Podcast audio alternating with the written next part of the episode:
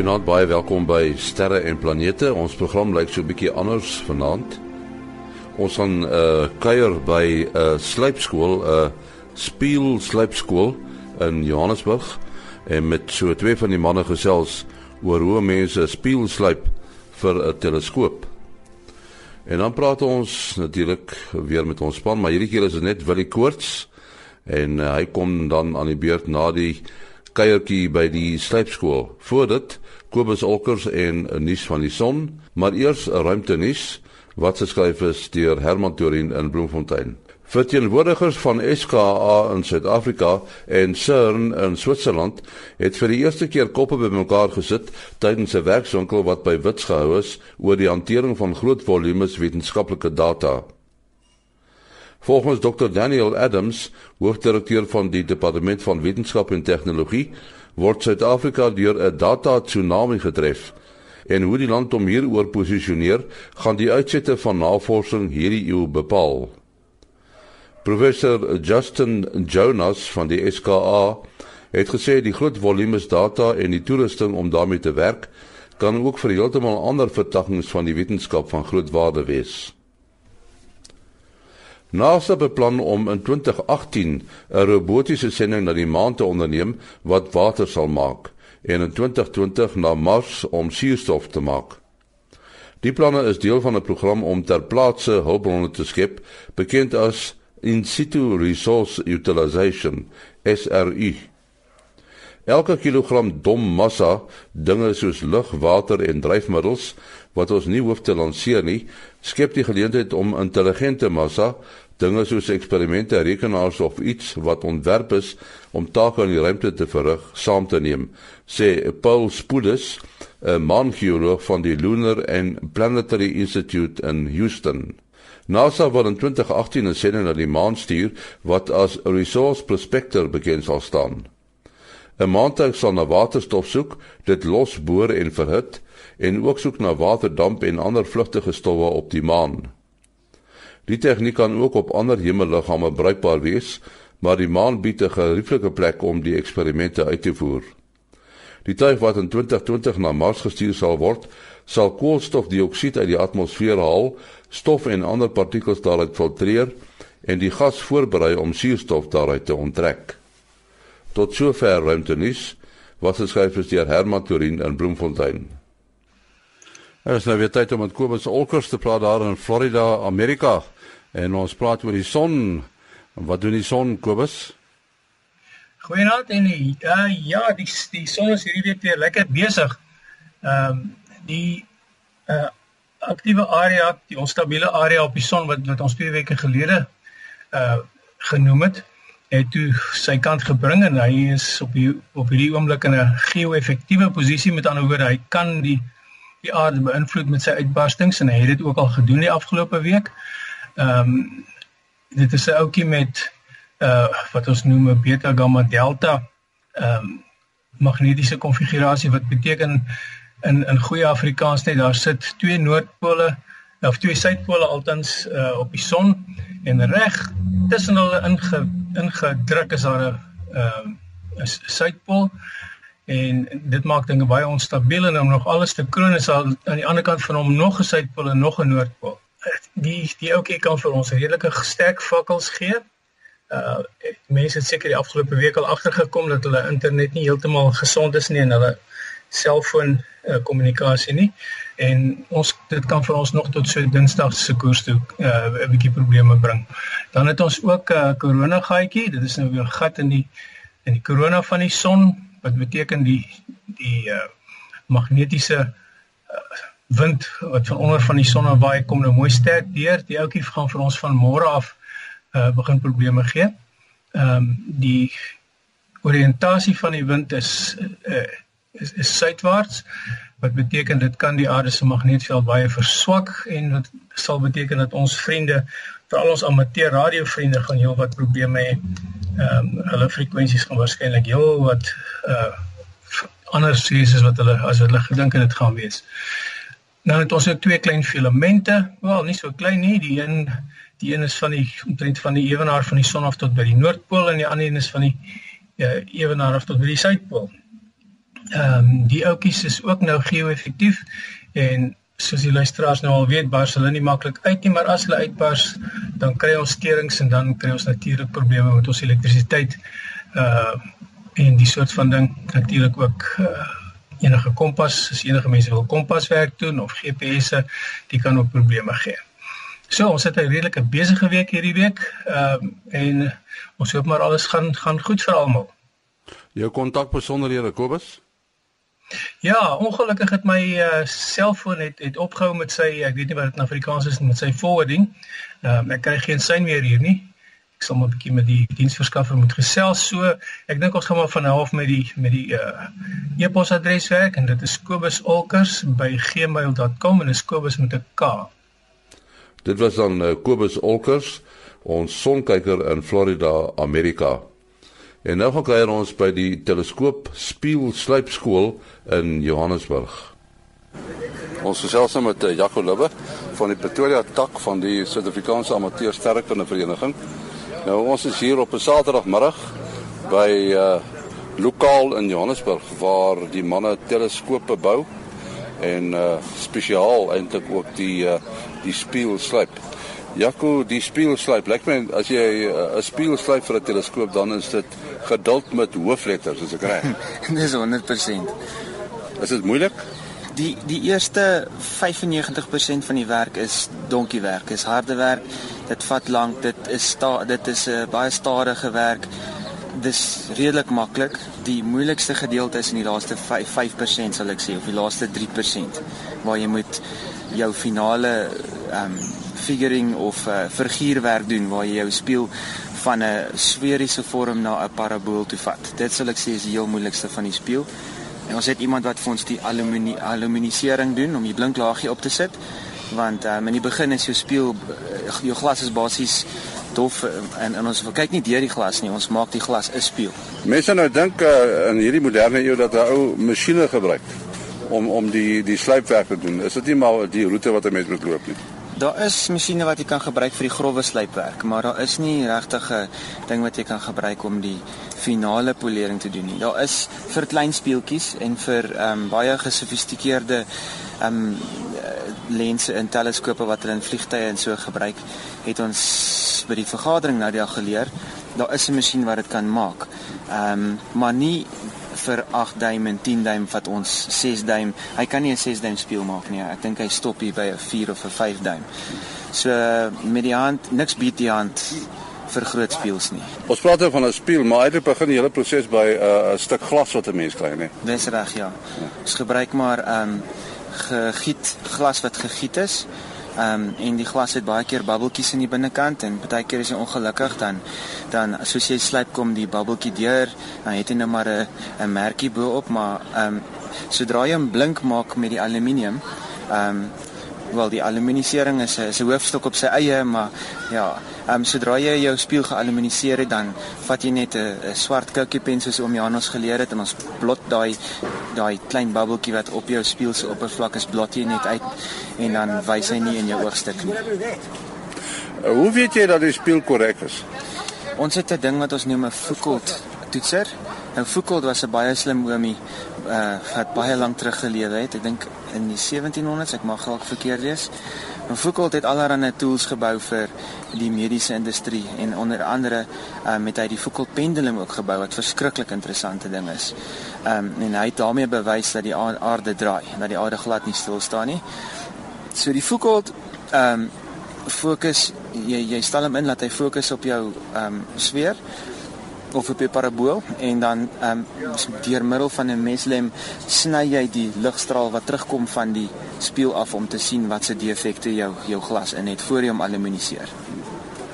Ja, jy behoort nou aan die sterrekunde vereniging, maar jy's gesig gestremd. Nou sal mense sê, hoe werk dit?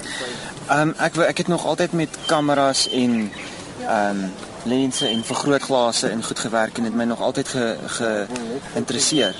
Um, en ehm um, ek dink hierdie is 'n maklike manier om goeie soos die maan en die sterre nader na my toe te bring sodat ek dit mooier kan sien. Goed soos die Suiderkruis en daai tipe goed kom nie van self nie. Dit is my baie moeilik om my eie oë te sien. So wat ek doen is ek sit my iPhone op die eyepiece van die van die uh, teleskoop en dan neem ek met my iPad deur Wi-Fi neem ek 'n foto. Ehm um, en dan kan ek dit op die iPad se skerm nou lekker sien wat ek geneem het. So op die manier maak ek die, van 'n baie klein prentjie 'n heelwat groter prentjie wat makliker is om te sien.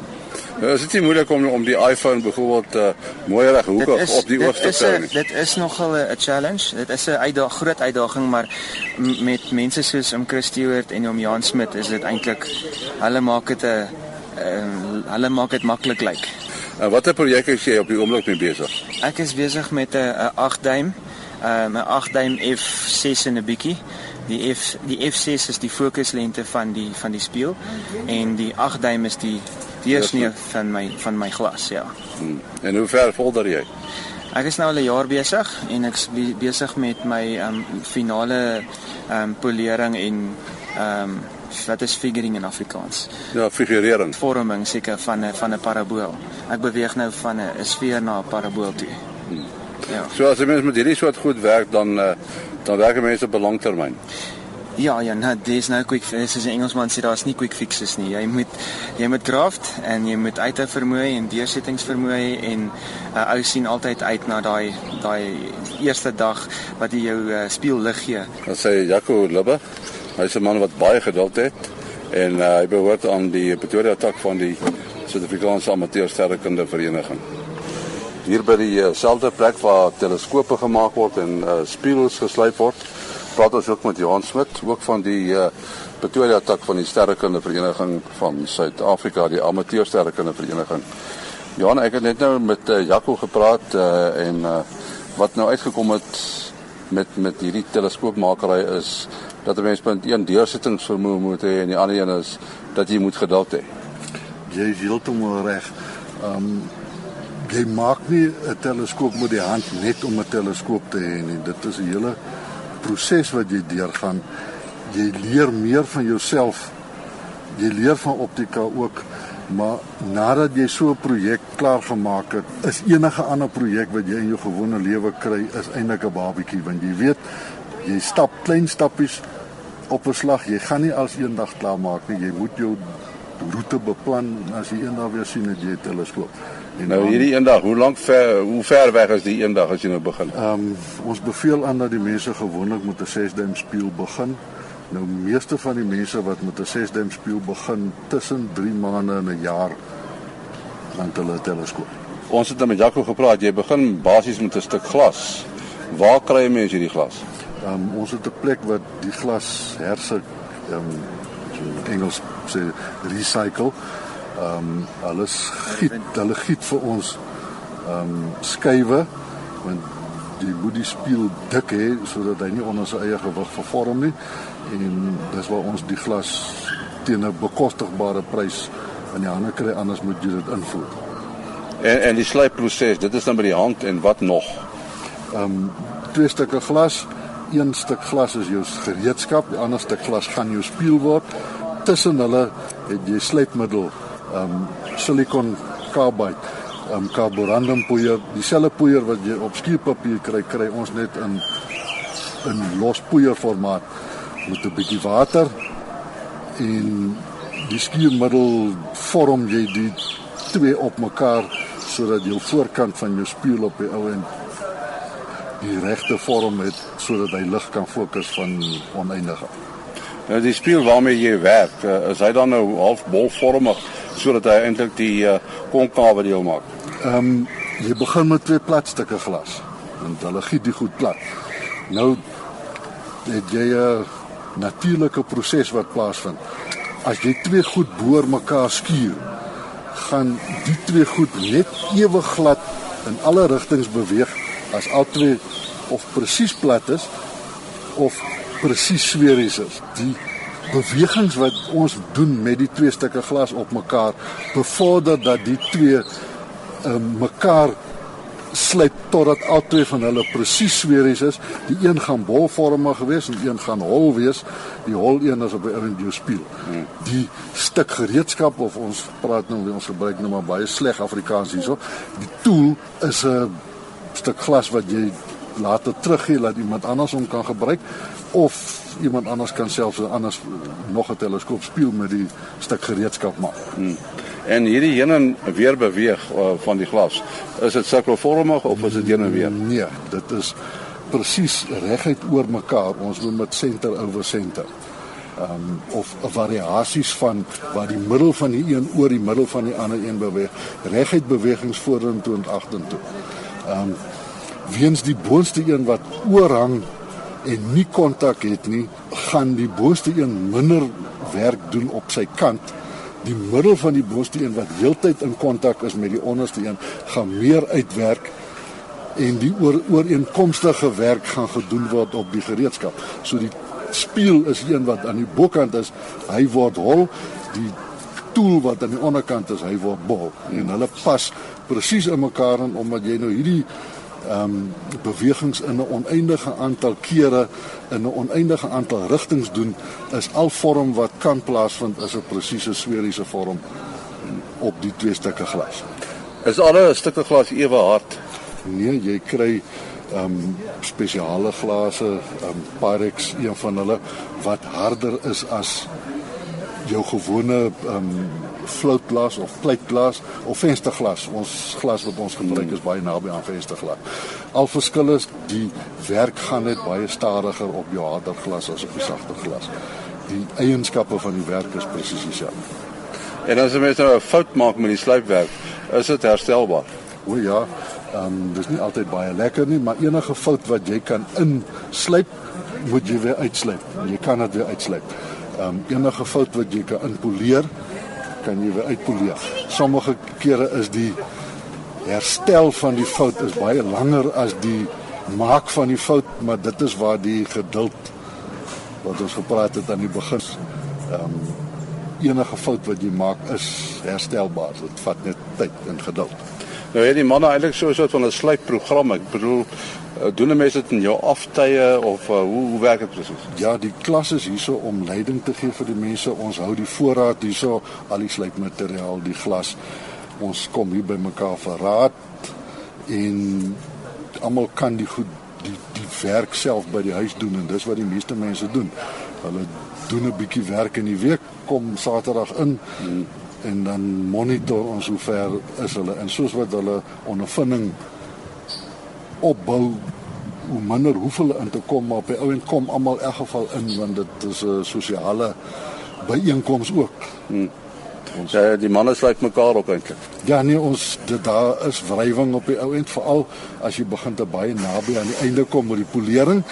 Ehm um, dan is dit soos jy gaan na die skool of skool of se kantoor toe. Ja. Jy is seker jy is reg maar dan ehm um, omdat die evaluering van die vorm op die spieël baie ondervinding vat ehm um, redelik subjektief is ehm um, het ons 'n gewoonte by die klas aangekweek dat minstens twee van ons senior ouens moet saamstem oor 'n spieël voordat ons hom geafteken. En dis waar daar nogal baie keer 'n bietjie wrywing inkom wanneer die student anders te dink as ons. Dan sê baie dankie aan Johan Smit. Nou ons het 'n vraag van 'n luisteraar gekry, Ydel Bok van Rooihuiskraal. Goed Ydel, wat is jou vraag? Ag my vraag is net ek wil net graag verneem uh, toe Neil Armstrong uh, op die maan uh, vir die eerste keer uitgeklim het. Blyk dit dat die kamera al reeds daar staan en uh, ek sou net graag wil weet of hy nou reeds daar was of iemand daar was om dit op te stel of dit dalk 'n robotarm was wat die hierdie kamera opgestel het. Ehm um, en dan my ander vraag hier is ook net ehm um, die maankarretjie. Dit lyk hier as vir stof hulle opskop, maar basies net so vinnig terugkom uh, na die oppervlakte as wat dit op die aarde is. Uh, dis maar net iets wat my bietjie uh, geroer het. Wou daarom wat ek hierdie vraagie vra. Daar sê baie dankie. Eidelbok daar van Rooihuiskraal. Nou ons het vanaand ook vir Willie Koorts uh, wat saam gaan gesels. Goed, ek het daai vraag al gehoor. Jy weet, waar was daai kamera? Wat uh vir uh, Armstrong afgeneem het. Uh ja, dit klink vir my die ek het 'n bietjie navorsing gaan doen en gaan kyk uh, na die konstruksie van die landingstuigie ensovoorts en die, en die vraag is eintlik redelik eenvoudig. Ehm um, hulle het uit die aard van die saak voorberei vir 'n uh, uh, uh, die nuus item van die eeu of van die millennium seker en uh, en daar is 'n kamera wat uh, op 'n spesiale uitvoubare platform op die ehm um, tuigie self was so soos die tuig ontplooi het sy voete neergesit het is die kamera ontplooi en ehm um, as eintlik twee kameras betrokke. Uh daar was 'n 16 mm rolprent kamera so uh um wat natuurlik beman was oorspronklik deur Bas Aldrin en deur een van die vensters geneem, maar die het uit die aard van die saak van bo af geneem. So daardie uh footage kan 'n mens ook in die hande kry wat natuurlik vir jou heeltemal 'n ander hoek gee. Dit was natuurlik gewone 16 mm rolprent film wat op die aarde moes ontwikkel word. So dit kon nou nie direk uitgesaai word nie, maar die uh kamera wat die meeste mense mense oorwonder is 'n televisiekamera gewees en uh, dit was dan op hierdie uitvoubare platform wat um, dan uh, uh spesiaal opgestel was. So die die kamera was nie beman nie, dit was heeltemal geautomatiseer want dit uh, was nou presies geweet waar uh Armstrong gaan afklim en uh waar vanaf die footage moet moet geskiet wo word. So uh, ja, so daar's nogal samesweringsteorieë wat sê dat die mense nie op die maan was. Die goed het eintlik in 1974 begin uh met 'n boek van uh, uh Bill Kingsing uh, het op Bill Casing en uh, die boek se naam was We Never Went to the Moon en dan is dit opgevolg deur 'n uh, boek deur David Perry uh, Dark Moon Apollo and the Whistleblowers en uh, was self 'n Ralph Rene uh, in NASA Moon America. Uh, en uh, die dinge natuurlik 'n vreeslike aanhang begin kry. Mense is ongelooflik lief vir samesweringsteorieë uh, om een of ander rede.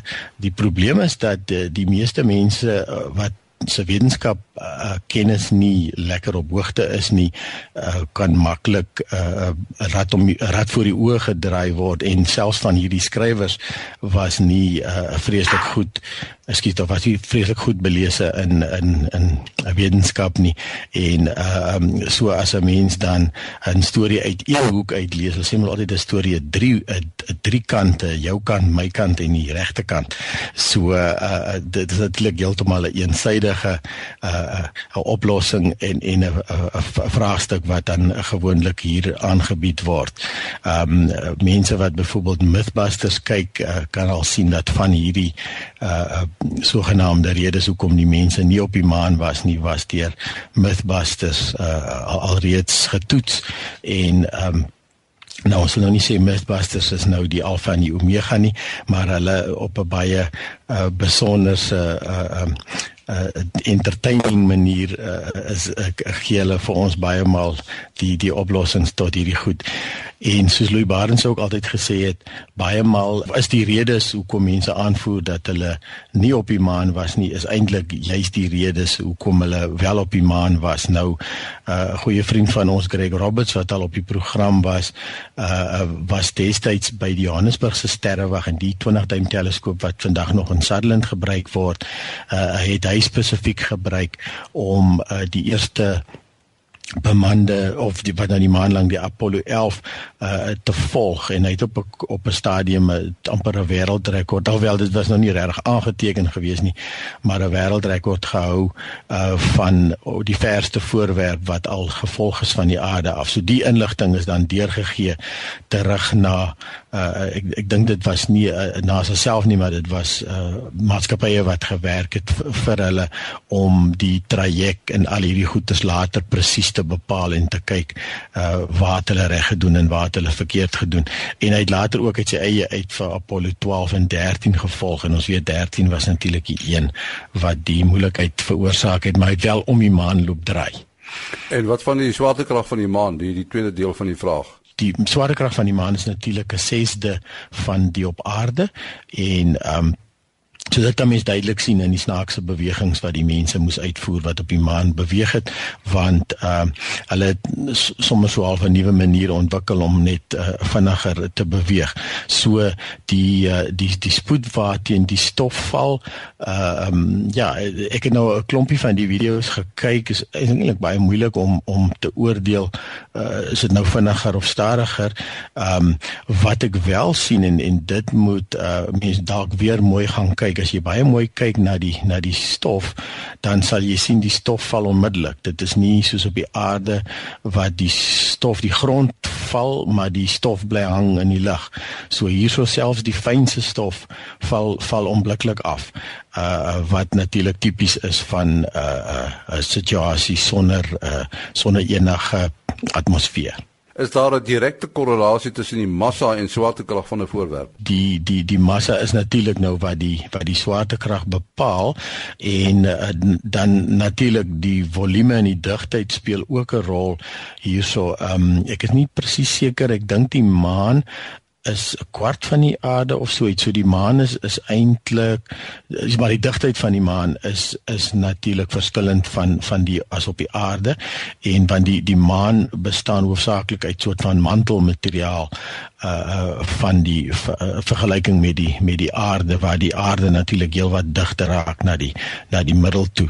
Alhoewel die die volume van die maan uh verskil is nie 'n sesde van die van die aarde nie. Uh, uh is dit natuurlik dan uh, die digtheid uh, wat dan ook inkom en dis natuurlik ook die oppervlak swaartekrag uh sodat jy hoër en verder van die maan af uh gaan jy natuurlik 'n verskillende swaartekrag maar dis eintlik dieselfde geval by die aarde. En wat jy dan aan die begin van die program het ons nou gepraat met die manne wat nou self 'n teleskoop spieël slyp. Nou die die uh, gesegmenteerde spieëls van SALT is hulle ook effens konkaaf. Ja, ja, mens uh, dink baie maal dit is net plat speels en dan word hierdie speels in hierdie in hierdie hol konfigurasie uh, met mekaar geplaas. Uh, so nie elkeen van daai speels is dan ook 'n effektiewe 26 meter radius uh sodat die toring wat wat daar langs sal sit uh, sit dan op die op die middelpunt van die sweer van uh, rowweg 26 meter die die payload of die die uh, loonvraag waar die instrumente sit sit omtrent rowweg die helfte van die afstand. En dit is dan tipies ook wat jy gaan kry met die speels wat die wat jy met die hand slyp as jy hom gaan toets.